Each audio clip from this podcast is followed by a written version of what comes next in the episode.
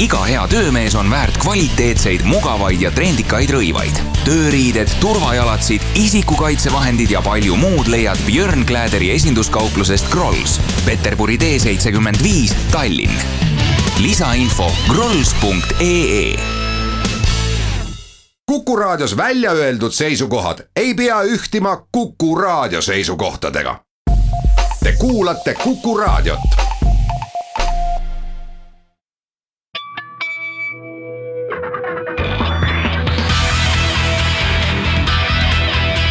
Õigus ja õiglus. tere päevast! ka Eestis kurdetakse tihtipeale, et valitsus ja riigikogu laiemas tähenduses riik, vahel kohalik omavalitsus ei otsusta küllalt ruttu, ei tehta küllalt jõulisi reforme ja pahandatakse ka selle üle, et rahvast ja asjaomaseid kaasatakse vähe ja inimesed tundvat, et ei ole asjade käiguga rahul. Ja täna tahakski küsida selle järele, et kas tegelikult praktilises elus on üleüldse võimalik, et mõni suur otsus, olgu see tervishoiupoliitika või näiteks pensionisüsteem või siis näiteks kinnisvaramaksu kehtestamine, tehakse kiiresti ja jõuliselt, teiseks õigesti kolmandaks eh, niimoodi, et kõik asjaosalised on kaasatud, rahvas on osadustundes ja rahul. ja neljandaks, et tsensuuri ei ole, ajakirjandus ja opositsioon on vabad. sellele küsimusele püüame vastata kahekesi asja üle suurepäraselt mõelnud inimese, Mihhail Lotmaniga, kes on Tallinna Ülikooli kultuuriteooria professor ja Tartu Ülikooli semiootika osakonna vanemteadur. Mihhail on Tartus, tere Mihhail. tere Nonii, kas äh, vastus sellele küsimusele on kiire ja lühike ja saade läbi või kuidas? jah, vastus on kiire ja lühike, et vastus, et olukord on keeruline. ja see, äh, mida me tahame, me tahame, et esiteks oleks efektiivne ja teiselt poolt oleks demokraatiline. just. jah, aga tihtipeale need asjad äh, on, ei ole koos ja need, kes rõhuvad efektiivsust, nad tahaksid, et äh, asi oleks kiire ja kompetentselt lahendatud, see tähendab, et kitsas ringis võib olla ka kellegi üksiku kompetentse isiku poolt. aga need, kes tahavad, et asi oleks maksimaalselt demokraatlik, need äh, nagu seda asja pidurdavad.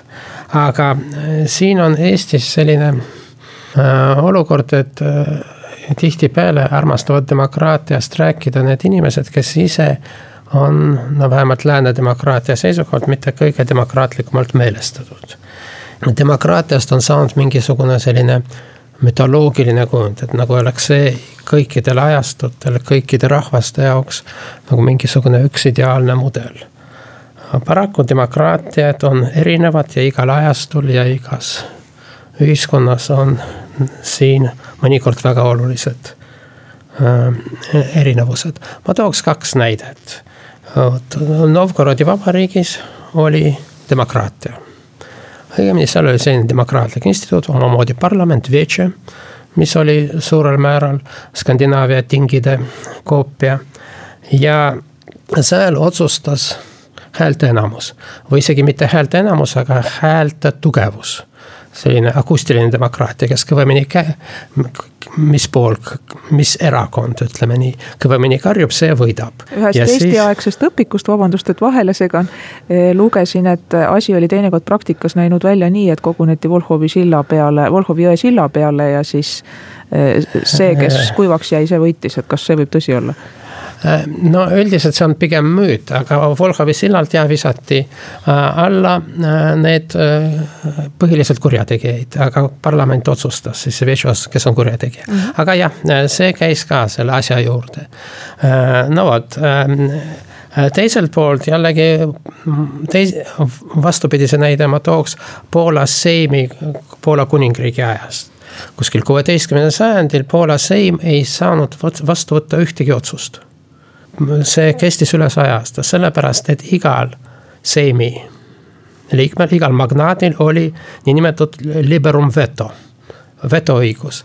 ja isegi kui kõik olid nõus, siis keegi kasutas oma au, seda niimoodi honor ja pani veto põhimõtteliselt, et teaksid no vot ja kui praegu me loeme, et aeg-ajalt Poola paneb Euroopas sellise veto peale, siis mulle tuleb meelde see liberum veto õigus keskaegsest või hilis, hilikeskaegsest Poola kuningriigist. niisiis ühelt poolt siis no Novgorodis kiire, resoluutne parlament, kohe kes võitis, see võitis, kaotajale häbi ja, ja teiselt poolt selline aeglane ja mitte äh, efektiivne. samas, kui me vaatame, et sellel aeglasel mitteefektiivsel olid omad kindlad eelised, seal iga liige oli tähtis. Novgorodis see tähtis oli ainult mass. nii, vot ja kuskil, kui me vaatame nüüd Eestit, siis väga noh, mitmed Äh, mitte rahul olevad inimesed praeguse olukorraga tahaksid, et äh, oleks kiiresti otsustatud umbes nagu Novgorodis, aga samas, et oleks iga inimese, et ka tema arvamus loetud, arvestatud nagu Poolas. nii kahjuks see asi ei käi. aga äh, probleem ei ole ainult Eestis, me üldse elame sellise demokraatia kriisi ajastul või vähemalt sellisel perioodil. ja äh, see ei ole esimene demokraatia kriis, äh, eelmine selline üldine ja veel palju tugevam demokraatia kriis oli enne teist maailmasõda. kus tundus, et kõik need demokraatlikud institutsioonid, kõik need demokraatlikud riigid, nad mädanevad. aga jõud, efektiivsus tuleb ühelt poolt sealt Saksamaalt ja äh, Itaaliast, teiselt poolt Nõukogude Venemaalt. Ja erinevus praeguses situatsioonis on ennekõike selles, et tollal juhtivad intellektuaalid olid ka sama meelt. see ei olnud üksnes sellised marginaalsed äh, grupid, mis äh, ühel või teisel põhjusel saavad äh, hästi tugevalt oma häält tõsta, aga see oli nagu juhtivad intellektuaalid, kirjanikud, kunstnikud, ka filosoofid olid niimoodi antidemokraatlikult meelestatud, väga vähesed, nagu Orwell, olid, julgesid korraga olla nii antifašistid kui antistalinistid aga ne, see oli selge vähemus. et Eestis oli paraku ju samamoodi ja, ja ma tean paremini juristide seisukohti. ja näiteks lugesin tuhande üheksasaja kolmekümne kolmanda aasta juristide või noh, õigusteadlaste päevade protokolli, tollal pandi eh, kõik kirja ja trükiti ära ja siis tollase kohtuministri Ado Anderkopi sõnavõtt äh, täiesti kinnitab seda, mida räägid ilusas eesti keeles. ta ütles, et demokraatia on hea küll, aga siis peab olema üks tugev võimukeskus, pidades silmas seda, et peaks olema üks äh, president, riigivanem koos väga selgelt talle allutatud valitsusega. ilma eriliste tasakaalu ja kontrollimehhanismideta, ehk siis milleks võimude lahusus. teiseks, et rahvast tuleb vaos hoida, et need isiklikud vabadused et need ei vääri nii tugevat kaitset kui siis kiire ja tõhus otsustamine. ja et eks see kõik on ju umbes samas rivis. ja kui nüüd jälle sa rääkisid Poolast ajaloos, aga kui tulla praeguse Poola juurde, siis praegused Poola ideoloogilised liidrid on ju rääkinud sama asja tegelikult juba pikki aastaid. et, et mingisugune põhiõiguste kaitse või õigusriiklus või siis võimu ja vastutuse jagamine ja vastut-, vastatud, vastastikune kontroll. et see segab täitevvõimul ehk siis presidendil või peaministril eh, ratsionaalsete ja kiirete otsuste tegemist. täpselt sama lugu no mitte päris, sest eh, tegelikult Poolas on väga tugev opositsioon, Poolas on väga tugev selline vabaduse, ma ei tea, instinkt jah, ja no, need meeleolud, millest sa rääkisid, nad on rohkem seotud äh, sellise maaeluga. aga näiteks Varssavis on selge enamus liberaalidel no nii nagu paljudes kohtades ja lihtsalt taustaks, kuna juba sellest kaasaja Poolast rääkisime, et ma olen ka täiesti nõus, et et selleks, et Poola kohta väga põhjapanevalt sõna võtta, tuleb sealseid olusid väga palju paremini tunda kui see, mida me siia jõudvast ajakirjandusest loeme. aga tegelikult juhtus seal üks kole lugu, et kas keegi oli sellest teadlikult või kogemata süüdi, aga inimestel soovitati eluasemelaenud võtta Šveitsi frankides. Ja siis satuti olukorda, kus oli endale soetatud eluasemed, nii nagu meil siin Eestiski, kõik tahtsid endale oma ja olles tükk aega laenu tagasi maksnud, siis korraga avastati, et tegelikult see jääk on jätkuvalt noh, veel suurem, kui, kui ta algul oli, arvestades kursside muutust. ja siis tegelikult tulidki võimule inimesed, kes lubasid, et nad niisugused sigadused lõpetavad ära. jah no ma pean tunnistama, et ma suure sümpaatiaga suhtun Poolasse ja kui meil siin tihti võrdsustatakse Poola ja Ungari olukorda, siis ma tahan öelda, et see on, need on täiesti erinevad. Äh, riigid, täiesti erineva ajalooga täiesti erinevate instinktidega, see ähm, äh, erinevalt Ungarist, Poola mitte iialgi ei lepi Putiniga või kellegiga äh, Venemaal, et äh, Ida-Euroopa läheks äh, selle kontrolli alla, aga härra Urban on Putini üks parimaid sõpru jah, ja tema oli ka see, kes ju selgelt kuulutas, et tema rajab illiberaalset äh, demokraatiat. No see oli tõlge vene keelest, see oli täpselt see, mida Putin lubas mitu aastat varem. justament, aga poolakate kaitseks jah, minagi võtan enamasti mõnevõrra sõna just selles mõttes, et tegemist on Kesk-Euroopa väga suure riigiga, kes ka meile on olnud väga oluline partner ja tegelikult võiks meid ja ajalugu mõista ja see, et praegune valitsus väga ideoloogiliselt rajab niisugust uuel alusel toimivat riiki, on ka õige muidugi. aga see on nende rahva valik ja õige on ka see, et seal tegelikult opositsioon ega siis sõnavabadus sel viisil maha surutud küll ei ole, nagu ta on näiteks Ungaris või, või mõnes riigis, keda juba peaaegu saab autokraatseks. ja ülikoolid seal kinni ei panda ja veel üks oluline asi, et kui seal võeti otsus vastu, et saadakse pensionile ülemkohtu kohtunikke, kui Euroopa Kohus tühistas seda otsust, siis Poola sellele allus jah, täpselt. eri, erinevalt äh, Venemaalt, kes ütles, et Venemaa õigused, äh, Venemaa seadused on ülemuslikud. nii see on ja selle kohtu koha pealt ka jälle noh, tuleb täpsustada, et paraku oli selle asjaga nii, nagu sageli nende nii-öelda konstitutsioonikohtutega läheb, et need politiseeritakse ja tegelikult oli eelmine valitsus teinud täpselt sama asja, mida nüüd siis see uus valitsus tegi. et ehk siis üritas eh, kohati parlamendi asemel otsuseid vastu võtma hakkava eh, kohtu eh, mehitada omadega. tegid täpselt sama, mida tegid eelmised nii et. no ja see paraku ei ole ainult Poola probleem, kui me vaatame näiteks Ühendriikide ülemkohtu kohtunike valimised, siis on väga oluline, et demokraadid valivad ühtesid, äh, vabariiklased teisi ja no siin on rohkem nagu moraali küsimused kui poliitika küsimused keskpunktis. ja, aga üldiselt sul on õigus jah, ja sellepärast tasub ka Eestil sellest lõksust hoiduda, mina ütleks, et meil on äh, näiteks seesama seaduslikkuse ja põhiseaduse tagamise süsteem tehtud väga hästi.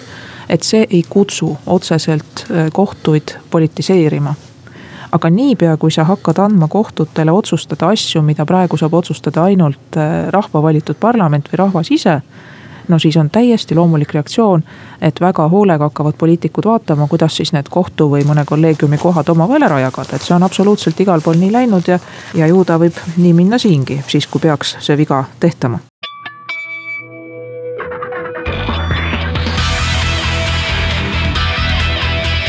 õigus ja õiglus. räägime täna demokraatiast, aga väga praktilise nurga alt, nimelt küsime, et kas võimalikud on üheaegselt kiired, õiged, kõikidele meeldivad otsused vaba ajakirjanduse ja vaba kritiseerimise tingimustes. Tartu stuudios on seltsiks Mihhail Lotman ja siin Tallinnas Ülle Madise. loomulikult meeldiks paljudele ettevõtjatele, et otsused on väga kiired. ja võtame näiteks sellesama noh, Tartusse tselluloositehase rajamise kavatsuse. et siin tuleb üks tahk, millest me võib-olla esimeses saate kolmandikus ei rääkinudki. ja see on ratsionaalsuse küsimus.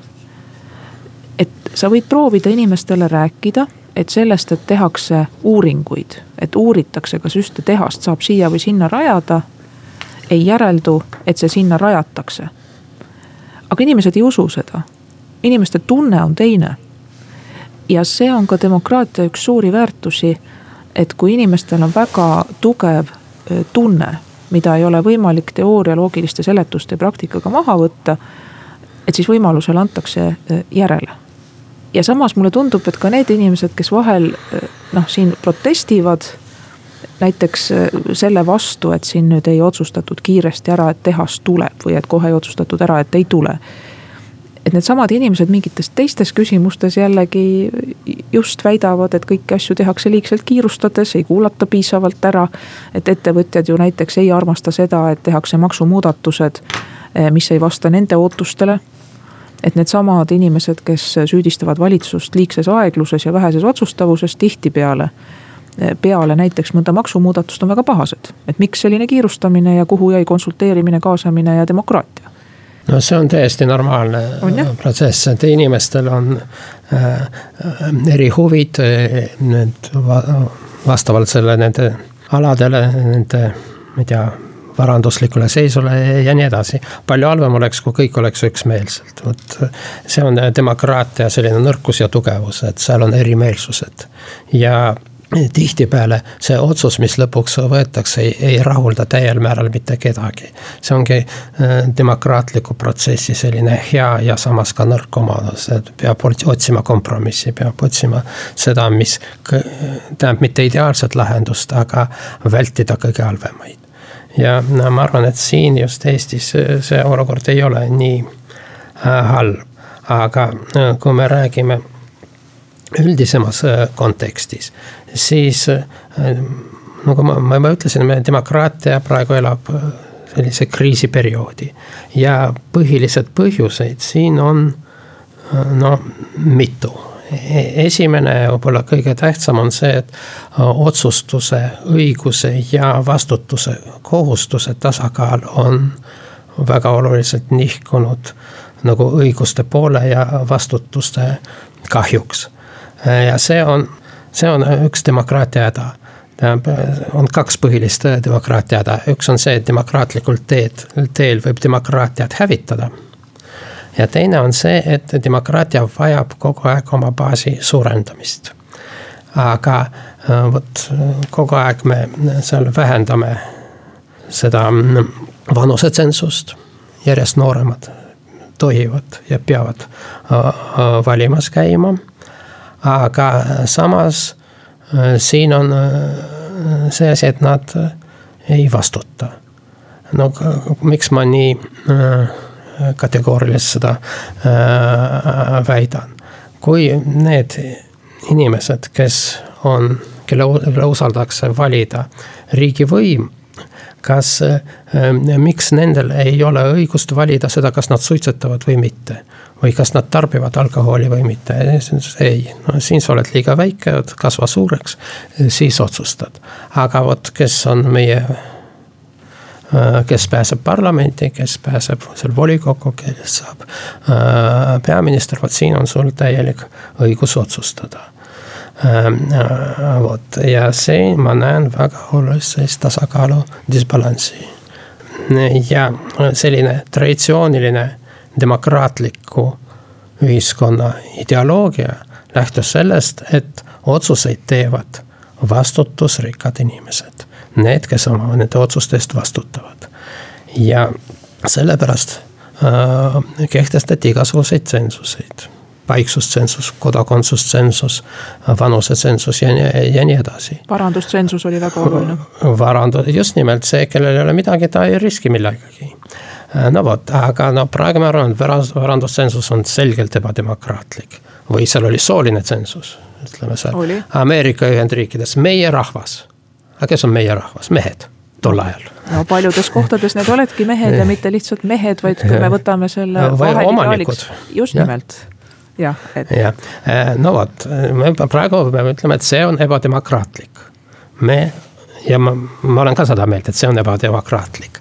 aga samas, kui me lõpmatult või väga olulisel määral laiendame õigusi ilma selleta, et kuidagi seda tasakaalustaks kohustustega, siis on probleemid ja need probleemid on praegu väga selgelt näha äh, Euroopas, Põhja-Ameerikas ja meil. ja teine probleem on äh, jällegi probleem, mis on ühelt poolt väga selge edu ja antud juhul tehnoloogiline edu, see on digimaailm, virtuaalreaalsus, internet ja nii edasi. et kogu informatsioon on väga kergelt kättesaadav ja veel väga oluline on see, et seda informatsiooni võib väga efektiivselt luua ja paisata väga suurele auditooriumile. see traditsiooniline meedia oli no milline ta oli, vot see, mida nimetatakse peavoolumeedia, seal on väga tugev kontroll see kontroll võis olla ka ideoloogiline, et mm. äh, niimoodi, et valed ideed ei pääseks, kuid äh, samas seal oli väga, oli ja on väga tugev selline faktikontroll. kui ma, ma vaatan ja ma monitorin äh, meediat äh,, tähendab sotsiaalmeediat üsna äh, palju, siis seal on selgelt sellist vigased ja tihti ka spetsiaalselt vigased äh, andmed fakti pähe esitatud ja mis koguvad tohutu suure auditooriumi. ja siin on äh, ühelt, me oleme sattunud praegu täiesti uute olukorda, äh, millel on väga olulised sotsiaalsed ja poliitilised tagajärjed traditsiooniline informatsiooni liikumine oli ühel või teisel moel allutatud hierarhiale olid autoriteetsed allikad, kust äh, informa-, mida inimesed usaldasid, olid autoriteetsed vahendid ja, ja nii edasi. nüüd on see hierarhia lammutatud, vähemalt suurel määral lammutatud ja tekib vot äh, see, mida äh, tehisintellektis ja biosemiotikas nimetatakse sülemeintellekt -hmm. vot nagu üksikul sipelgal intellekti ei ole, tal ei ole isegi sellist organit, kus oleks intellekt. aga äh, sellel sülemil intellekt on. samamoodi on isegi üherakulistel bakteritel, ühegi ei ole, aga koos nad kuidagi koordineerivad ja liiguvad kindlas suunas ja äh, kui me vaatame sellist informatsiooni liikumist Äh, sotsiaalvõrkudes, siis seal on pigem sellised sülemeintellekti mudelid. Aga äh, seda on äh, juba ammu täheldatud, et internet, selline moodne ja võimas ja noh, vahend ja suurepärane intellektuaalne saavutus väga olulisel määral aktiviseerib vanu müüte, foobiaid, mis on sellisel traditsioonilisel meedial ammu ümber lükatud, aga siin nad, äh, siin ei kehti selline aristoteelik loogika, vastuolu põhimõte ei kehti, see, mis on ümber lükatud, elab edasi ja, äh, ja nii edasi. ja äh, siin on sellised müüdid versus tekstid. tekste ei viitsi enam lugeda. minu meelest üks suurepärane näide oli Maastrichti lepingu Äh, tagasilükkamine äh, Taani referendumil. Äh, õigemini isegi mitte see tulemus, tulemus oli viiskümmend protsenti vastu, nelikümmend üheksa poolt. ja, aga see, ma, ma kuulsin ühe, nägin televisioonis ühe intervjuu ühe daamiga, kes oli kindlalt vastu. ja miks ta oli vastu? no et esiteks ta seda lepingut ei olnud lugenud, et kes viitsib nii suurt raamatut lugeda aga teiseks tal oli vastu sellepärast, et valitsus ja kõik erakonnad on kindlalt poolt. Vot see on nagu ühelt poolt nagu selline seimi äh, liberum veto õigus, et kõik on poolt, siis mina, siis seal on midagi mäda, ma ei usalda neid. ja te teiselt poolt, vot mida ta usaldab, ta usaldab vot äh, neid sõnumeid, mis liikusid sotsiaalmeedias jah, see minule meenutab jällegi Brexitit, kus noh, ma usun, et see ehk ei ole müüt, aga mine seda tea, et vaata, ega siis kogu selles kontrollimata infovoos. asi, mida mina kõige rohkem isegi kardan, on see, et lõpuks mitte keegi ei usaldagi enam üldse mitte kedagi ja mitte midagi. sest see võib olla täiesti eluterve reaktsioon sellele, et sa näed, et igal pool on noh, faktiliselt vale, hooletu, kiire info ja kui kõik see, millest sa ise faktiliselt tead on esitatud valesti või poolvalesti, no miks ülejäänu siis peaks õige olema. aga mul tuli jah, Brexit meelde just selles mõttes, et, et kui sa ütlesid, et tihtipeale hääletatakse ilma vastutustundeta et siis mul on ka mõnikord mõnda intervjuud kuulates, noh, mis on pärast siis valimistulemuste selgumist tehtud, see mulje jäänud ja näiteks Brexiti puhul oli ju ka, et väidetavalt üks osa inimesi lihtsalt noh, hetkel halvast tujust või, või sellisest noh või siis tahtmisest salaja lihtsalt pätti teha, et ah, et niikuinii otsustatakse Euroopa Liidu jääda. aga et, et las olla siis see ei protsent natuke kõrgem, et panen kah. ja siis pärast hoidsid kahe käega peast kinni, et näed, läkski teisipidi. aga noh, teisalt see jälle võib mõjuda väga noh, kainestavalt just selles mõttes, et kui väidetakse, et rahva hääl ei mõjuta midagi. Eh, keegi kuskil, ehk siis see võimu ja ärieliit otsustab kõik nagunii ära. et siis need juhtumid ju kinnitavad, et rahva hääl otsustab vägagi ja siis ma mhm. salamisi lõputu optimistina loodan, et äkki inimesed siis tulevikus mõtlevadki sellele, et hääl tõesti loeb ja selle tõttu iga hääletus ja valik peab olema äärmiselt läbikaalutud nojah, aga tihtipeale vot Eestis inimesed ei mäletagi, kelle poolt nad hääletasid. no, no üks juba vist viisteist, võib-olla isegi rohkem aastaid tagasi kaks sellist korralikku daami siis intelligentsed daami ründasid mind Tartu tänaval, et.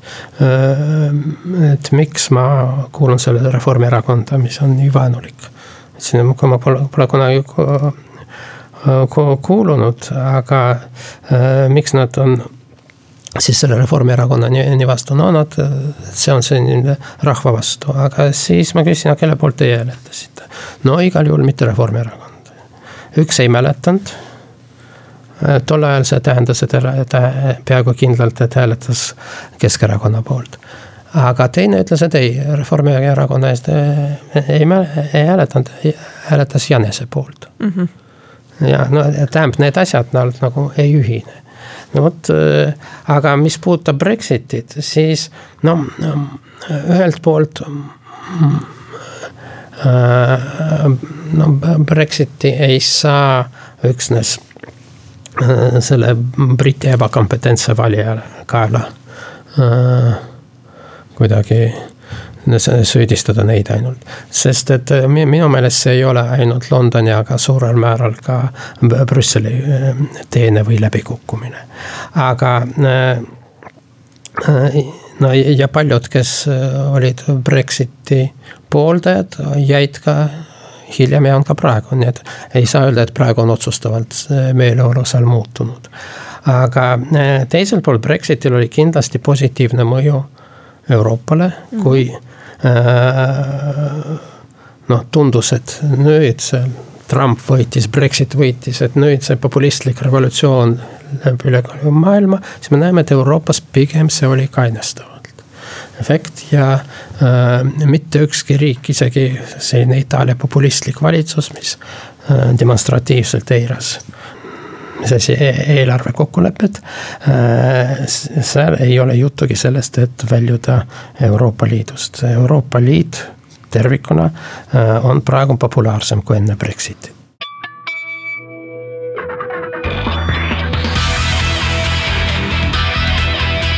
õigus ja õiglus. jätkame saadet, arutame täna, kas on võimalik teha korraga õige, kiire, kõikidele meeldiv otsus vaba arvamusavalduse tingimustes. Tartus Mihhail Lotman ja siin Tallinnas Ülle Madise. ja nüüd liigume äkki ähm, selle võimaluse juurde, et nagu äh, siin sõnastas hiljuti ühes intervjuus, noh jällegi ei tea ju, kas ta nii ütles või ei öelnud, aga nii oli kirja pandud et õige pea me mõistame, et demokraatia oli üks mööduv eksitus. Ja siin ka kuulajale meenutuseks üks noh, niisugune väga lihtne riigiõiguse tunnis õpetatav üks võimalik siis tabelikene erinevatest valitsemise vormidest, mida siin vanad kreeklased välja pakkusid. et saab eristada valitsemist üldises huvis ja siis omakasuliselt ja siis valitsemist ühe, mõnede või, või kõigi poolt ja siis see tabel on üleni täidetud, ehk siis kui üks inimene valitseb üldistes huvides, et siis on see noh, niisugune valgustatud õilis monarhia. kui üks omakasuliselt, siis türannia.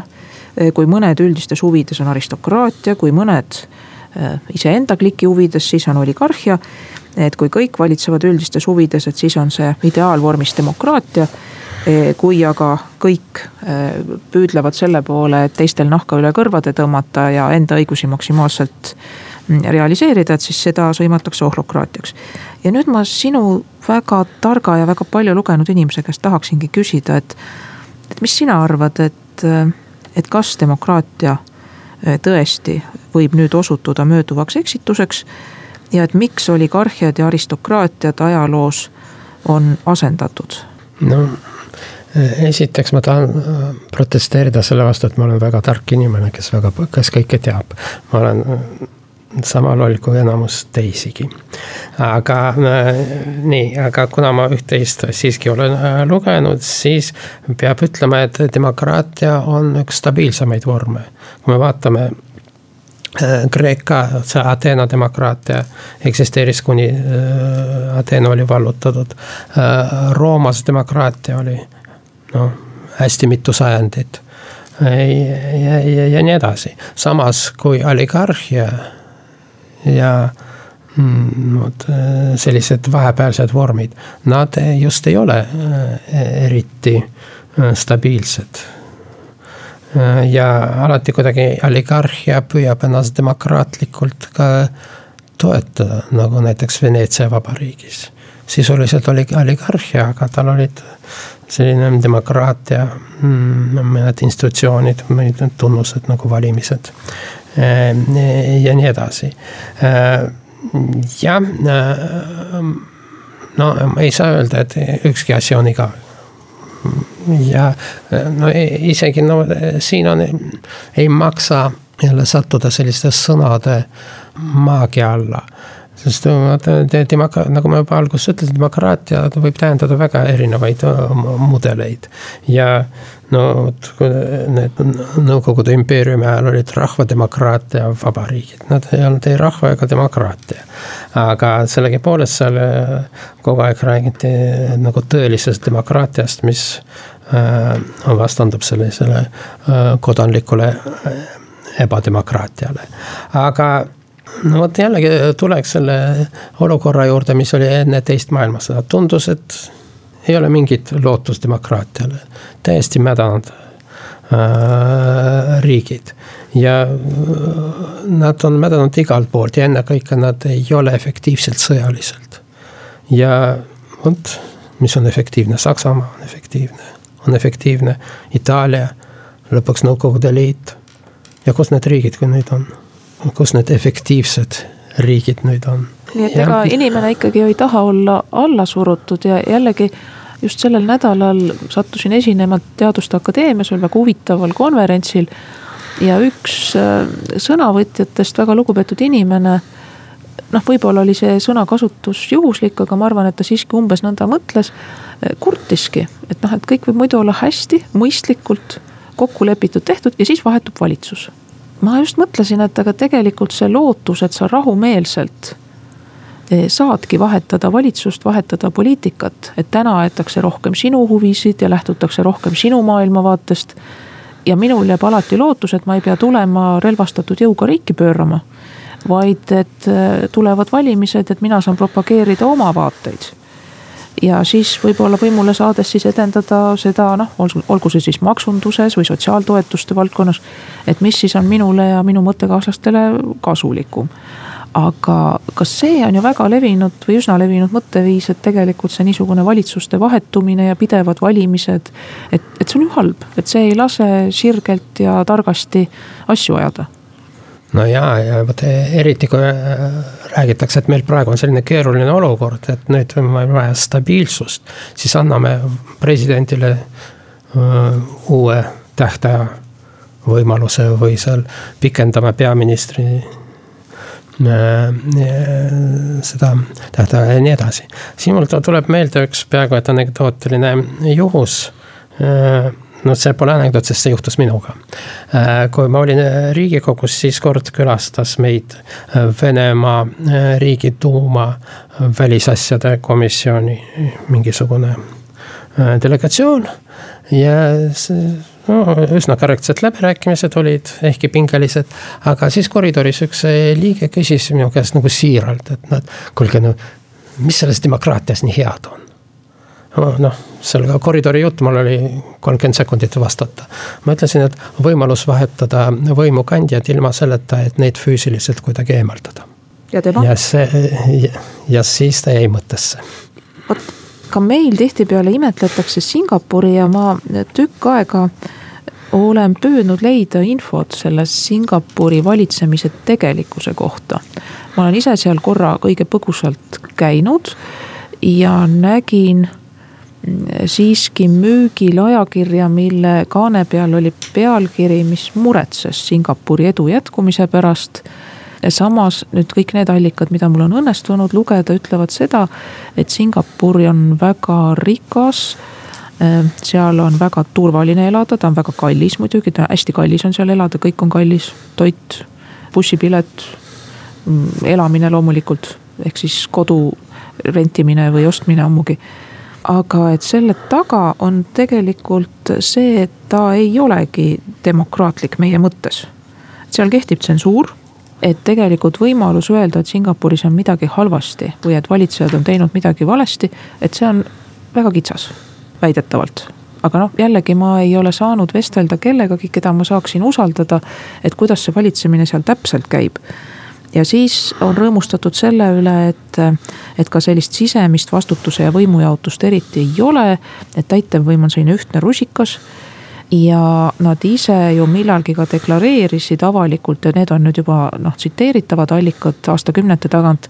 et need läänelikud liberaaldemokraatlikud väärtused neile ei sobi et turumajandus ja vaba konkurents teatud ulatuses sobib, kuigi seal on ka päris noh, mõnes asjas väga tugev ja vaieldamatu riigimonopol, aga no üldiselt on ta väga vaba majandus. aga et nendel on konfutsionism ja nendel on Aasia väärtused. Ja et vot sellega see põhiõiguste kaitse, sõnavabadus põhiseaduslike õiguste kaitsmise tugev korraldus, ehk siis hästi sõltumatu kohtusüsteem ja võimalus siis ka näiteks mõnele vähemusele täiendavaid õigusi anda või öeldagi, et riik on kellegi suhtes midagi valesti teinud, et noh, see on väga piiratud, et see sinna süsteemi ei kuulu. aga mulle tundub, et seda meil siin õige sageli ju imetletakse no, no ma ei ole Singapuris käinud, mul üks äh, väga hea kolleeg elab seal et sul on õigus kõik nende hindade kohta ja, ja nii edasi, aga seal on ka palgad väga head. Äh, nii, aga vot sa ütlesid rahvusvähemuste Äh, õigused, seal on just rahvusvähemuse õigused väga hästi kaitstud. Singapur on sisuliselt koloniaalne riik. Rahvusvähemus, kes seal valitseb, on hiinlased, aga kohalikud elanikud on malaasialased, on -hmm. selline selgelt diskrimineeritud enamus, mitte vähemus jah, see on selline konfutsiaanlik Hiina, hiinlaslik riik ilma kommunismita ja selles mõttes, vot ma Singapuris pole käinud, aga ma olen mitu korda Hiinas käinud. ja no sest imetletakse meil mitte, ma ei ole kuulnud, et Singapuri imetletakse, aga ma olen korduvalt kohanud sellega, et imetletakse Hiinat, vot seal, mis seal on seal on kõik korras, see on tugev riik, stabiilsus, stabiilsus ja nii edasi. eriti kui praegu maailmas nii Venemaa kui äh, Ameerika Ühendriigid on sellise noh, kõike muu kui stabiilsuse faktorit, eh, siis praegu ongi kaks suuremat stabiilsusfaktorit. üks on selline seestpoolt õõnestatav Euroopa Liit ja teiselt poolt Hiina. mis on siin positiivne see, et Hiinad erinevalt Putini Venemaad ja Trumpi äh, Ameerika Ühendriike ja Triina, Hiina käitumist, Hiina käitumine ei, ei paku üllatusi, see on sellega võib arvestada. aga äh, Hiina olukord äh, on mõnes mõttes paradoksaalne, ühelt poolt seal on peaaegu täiesti vaba turumajandus. Teiselt poolt see turumajandus on väga, see on peaaegu täieliku riikliku kontrolli all. Kolmandalt poolt seal on täielik sõnavabadus. neljandalt poolt seda ei tohi kasutada ja nii edasi ja kõige huvitavam on see, et noh, ehkki see ei ole ootamatu, on teada, et autoritaarsete riikide elanikud on palju leplikumad ja isegi tihti õnnelikumad oma valitsejate suhtes kui demokraatlikud. aga see ei ole üksnes no selline nagu makropoliitiline probleem. kui me vaatame, et keda Eestis usaldatakse ja seal on äh, noh, erinevad gallupid äh, on Äh, läbi aastate tehtud ja tendents on enam-vähem stabiilne. kõige rohkem usaldatakse politseid, siis kaitsevägi. no siis ütleme äh, seal no just nimelt jõustruktuurid ja jõustruktuure ja sedalaadi struktuure, mille üle valijal, inimesel, kodanikul ei ole mitte mingit kontrolli. keda, keda kõige vähem usaldatakse, usaldatakse kõige vähem neid, keda nad ise valivad. keda, vabandust, mitte nemad, keda me ise valime. Äh, ja kogu aeg mõeldakse mitte selle peale, kuidas teha efektiivsemaks, kuidas teha äh, suuremaks seda äh, riigikogu või kohalike volikogude võimu, vaid, vaid pigem, et kuidas seda väiksemaks saaks. kuidas pärssida, kuidas neid kontrollida. tähendab kontrollida seda, kelle üle ongi nii kõige tugevam ühiskonna kontroll. no see on ka arusaadav ja siin on, see ei ole ainult inimeste, see on ka meedia kus nad otsite. see on väga tuntud efekt, et kaotatud võtmeid me otsime mitte seal, kus me kaotasime, aga seal laterna all, kus paistab ja no,. reformime seda, mida on kõige lõbusam ja meelelahutuslikum reformida, sest et seda ülejäänut on ju keeruline ja lusti on ka vähe. no ja, ja pealegi no see ei ole nii huvitav jah, et äh, no vot, aga siin, siin ma näen väga olulist sellist äh, ohumomenti, et lõppude lõpuks see tähendab, et me ei usalda iseennast. et kes seal riigikogus, no igasugused tüübid, keda me ise valisime, aga noh ei no asi ongi tean, selles, et, et. ma ju tean, kelle, milline ma olen, et vot sellist inimest ei tohi usaldada aga äkki see ongi sügaval inimloomuses, et, et on mingi igatsus, noh umbes nagu lapsepõlves, et on ema või isa, kes hoolitseb, et noh, kui õnne on olnud ja, ja õnneks ju väga paljudel on õnne olnud, et on mõnus lapsepõlv. ja seda ju meenutadki, et tuba oli soe, noh õppida tuli, eks ole, mingist kodukorrast tuli kinni pidada. ja aga... vastutasid teised. ja vastutasid teised ja sina olid see laps, kellel oli tuba soe ja toit ja, laual. ja sa võisid jonnida, sa võisid vihata seal, mässada, aga sa teadsid, et sinu eest hoolitsetakse. no just, et äkki see ongi noh, midagi, mida igatsetakse, sest et seda valgustatud monarhi monarhi, kes tegelikult võtaks selle pideva paine, et noh, et et ega siis ähm, riigikogus kindlasti ma usun, et paljudele valijatele mõne fraktsiooni või poliitiku seisukohad väga meeldivad, aga häda ongi selles, et on see pidev võitlus. et isegi kui asjad on täna nii, nagu mulle enam-vähem meeldib, siis nüüd tuleb, eks ole, keegi näiteks ütleb, et teeme aastaringse talveaja, noh, see, see teeb ju õnnetuks ja nüüd muudkui pead niimoodi elama, selle asemel, et oleks üks valgustatud monarh, kes teeks targa kaalutud otsuse, kellest mina tean, et ta ei valeta, ta ei varasta, ta on erakordselt tark. ja et tema on nagu minu kui viieaastase lapse isa, kes targasti otsustab kõik kodus. Siin on kaks väikest probleemi, esiteks, et kes otsustab, et just see on tark monarh. ja teiseks, et kes teda paneb võimule aga äh, probleem, mitte probleem, aga tendents on vastupidine, et see, kui juba ta on haaranud väga suure võimu, et ju siis ta on tark ju siis ta on valgustatud. et nii ta kipub olema ja mulle tundub, et meie vestluse tulemusel oleme seal, kust me alustasime. et äh, niisugune ideaal, et suured riigielu asjad otsustatakse kiiresti ja õigesti. niimoodi, et me kõik oleme kaasatud, tunneme osadust ja tunneme nende üle rõõmu. kõik tunnevad, et nad on võitnud ja et samal ajal pole ka tsensuuri ja kritiseerimine on vaba et see on kahjuks võimatu, sest niikaua, on inimesed vabad, siis on neil erinevad huvid, erinevad arusaamad ja mulle endale tundub, et nii ongi hea aga siin ma tahaks viimase asja veel öelda, et on, me oleme väga mitte rahul selle olukorraga praegu aga siis, kui see olukord meilt ära võetakse, siis me hakkame väga nostalgitsema seda, kui ma mäletan e, e, enne sõjaaegset Eesti Vabariiki.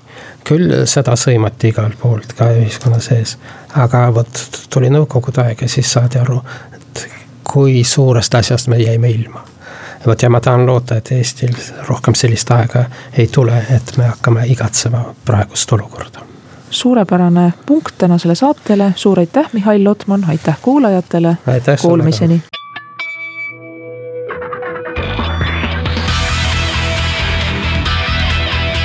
õigus ja õiglus